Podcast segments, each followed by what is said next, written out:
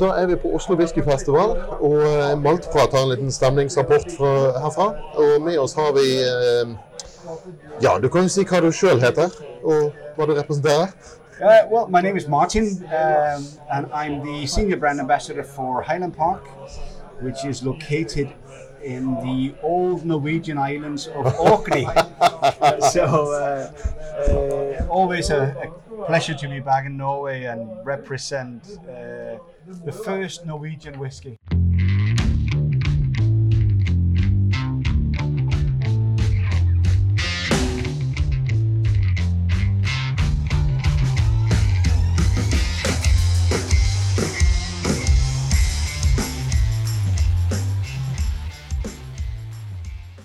Anything new? No, uh, not not for Norway, unfortunately. Uh, we we, uh, we do of course have our cask strength series, which we now have the third on the market.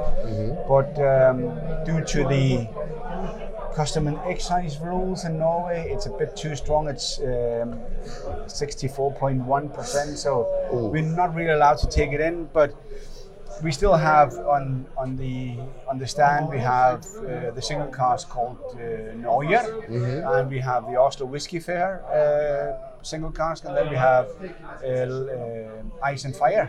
So so there are some of the specials there, and then of course our core range with 10 and up to 25. So, Right. so, so there's a few good things there. Sounds good. Um, but we we stopped doing all the special editions like we did in the past with uh, Twisted Tattoo and um, Full Volume and all these kind of things.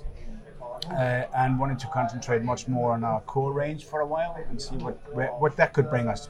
So um, so no special editions for for this fair, unfortunately.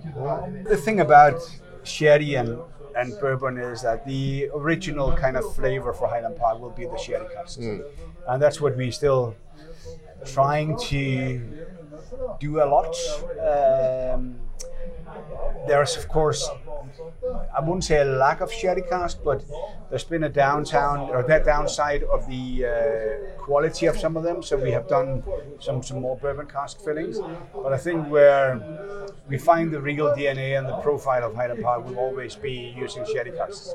So yeah, so I do agree with that. That sherry cask is where Highland Park has its force, uh, even though I think full volume, as we talked about, and and uh, ice and also Fire, which was first for bourbon, were pretty good as well. You use uh, Orkney heather for, or Orkney peat, which is full of heather yeah, for, for yeah, your, yeah, your smoke uh, element, don't Yeah, you? In what, what way is that different from uh, mainland Scottish? From St Fergus in Aberdeen, in Aberdeenshire, or Tomintoul, or even Black Isles, they used to grow a lot of trees there, and, and and that means when you when you cut peat in the in the Highlands or mid Scotland, you will find traces of, of trees in the peat, and gives a different kind of burning uh, sensation of, of the peat, but also flavors will change.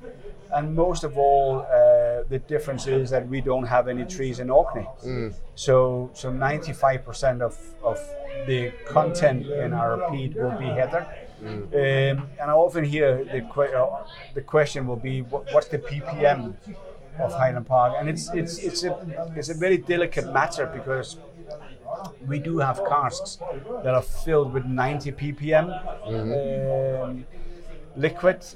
But but the thing is that the peat we have in Orkney might give us 90 ppm, but it will never taste like 90 ppm if you compare it to an Ardbeg, a Port Charlotte, or whatever, because the peat is so different.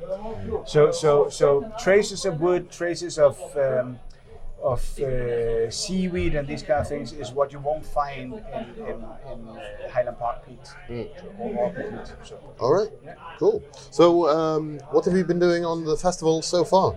Yeah, well, I was here yesterday as well. Uh, I'm not doing any masterclasses this year, but um, it, it's it's the first time I'm back in Norway since the uh, pandemic, uh, and it's just good to be here and catching up with people and uh, see old friends.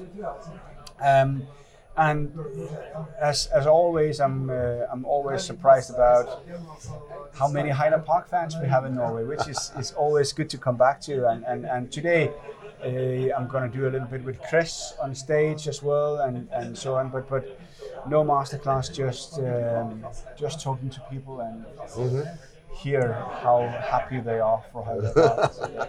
But there's one thing that people have asked me: How does a man from Denmark end up being a highly visible representative of a Scottish distillery? Yeah, well, It's a, many people's dream job, isn't it? Yes, and honestly, I've asked myself that a lot of times as well. Yeah, but I think uh, you know I used to work at uh, a very famous hotel in Scotland, uh, Craigellachie Hotel, Oh yes. uh, where at that time it was the biggest whiskey bar in Scotland.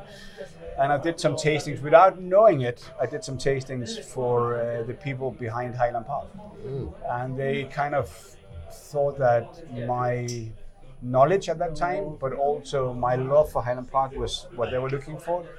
So in the beginning of 2016, they asked me to come and work for them, and um, I felt probably like uh, a young football player being asked for Barcelona to come and play for them, because Highland Park was my favorite brand at that time as well, and, and be able to to work with them full time uh, has been a, a dream. And, and as my girlfriend back in Denmark says, you don't have a job, and I do agree with that because it's still my passion, it's still my hobby, and I enjoy every single day working for that. So it's, it's, it's even though it's hard to travel, I still enjoy it.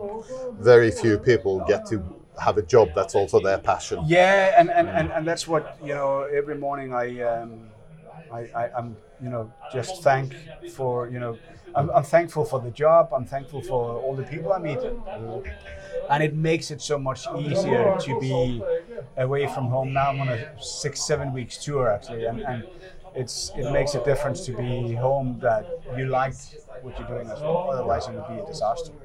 You must also have a very understanding girlfriend. Oh yeah, yeah, yeah, yeah. yeah. I, I do, and, and uh, thank God she's very energetic with with uh, with the house we have and walking the dog and these kind of things. I, I think she talks quite a lot to the dog, but uh, when I'm not there, but nevertheless, yes, she's very understandable. So, you know, when, when when the pandemic started um, and I had to be home because we couldn't travel, I think two weeks in the pandemic, my girlfriend looked at me and said, "You need to go somewhere," because I was like a lion in a cage, and, Yeah. and you know, I needed to talk whiskey. I needed to come out and spread the passion, the gospel of Highland Park. But um, the good thing were we learned a lot of things about uh, doing online tastings. So did a lot of them during the pandemic, and um, was a good way to, to work during that period. But it's always good to be back on the road and see smiley faces again. Yes. Uh, last question. Your favorite Christmas whiskey? What would you recommend? Ooh, um, well, I I always winter whiskey, for that matter. Yeah, I, I- I think I think uh, you know Highland Park 25 is probably one of these whiskies I will always bring out uh, on uh, on Christmas. It's it's it's spicy. It has cinnamon. It has a bit of marzipan to it, and I love that. And if if I have to choose something else, I would probably go for a Mortlach Flora Fauna 16 year old, uh, which I always admired as well. Yeah, but that said, just if you go around this fair here, I could probably choo- choose 20, 25 different drams for Christmas. Um, and that's the good thing about whiskey, there's so many good of them. So, so Exactly. and, and the hard thing is, it's always hard to choose. Yes. Thank God there's so much to choose from. Yes, definitely. Thank you very much for Well, chatting with us.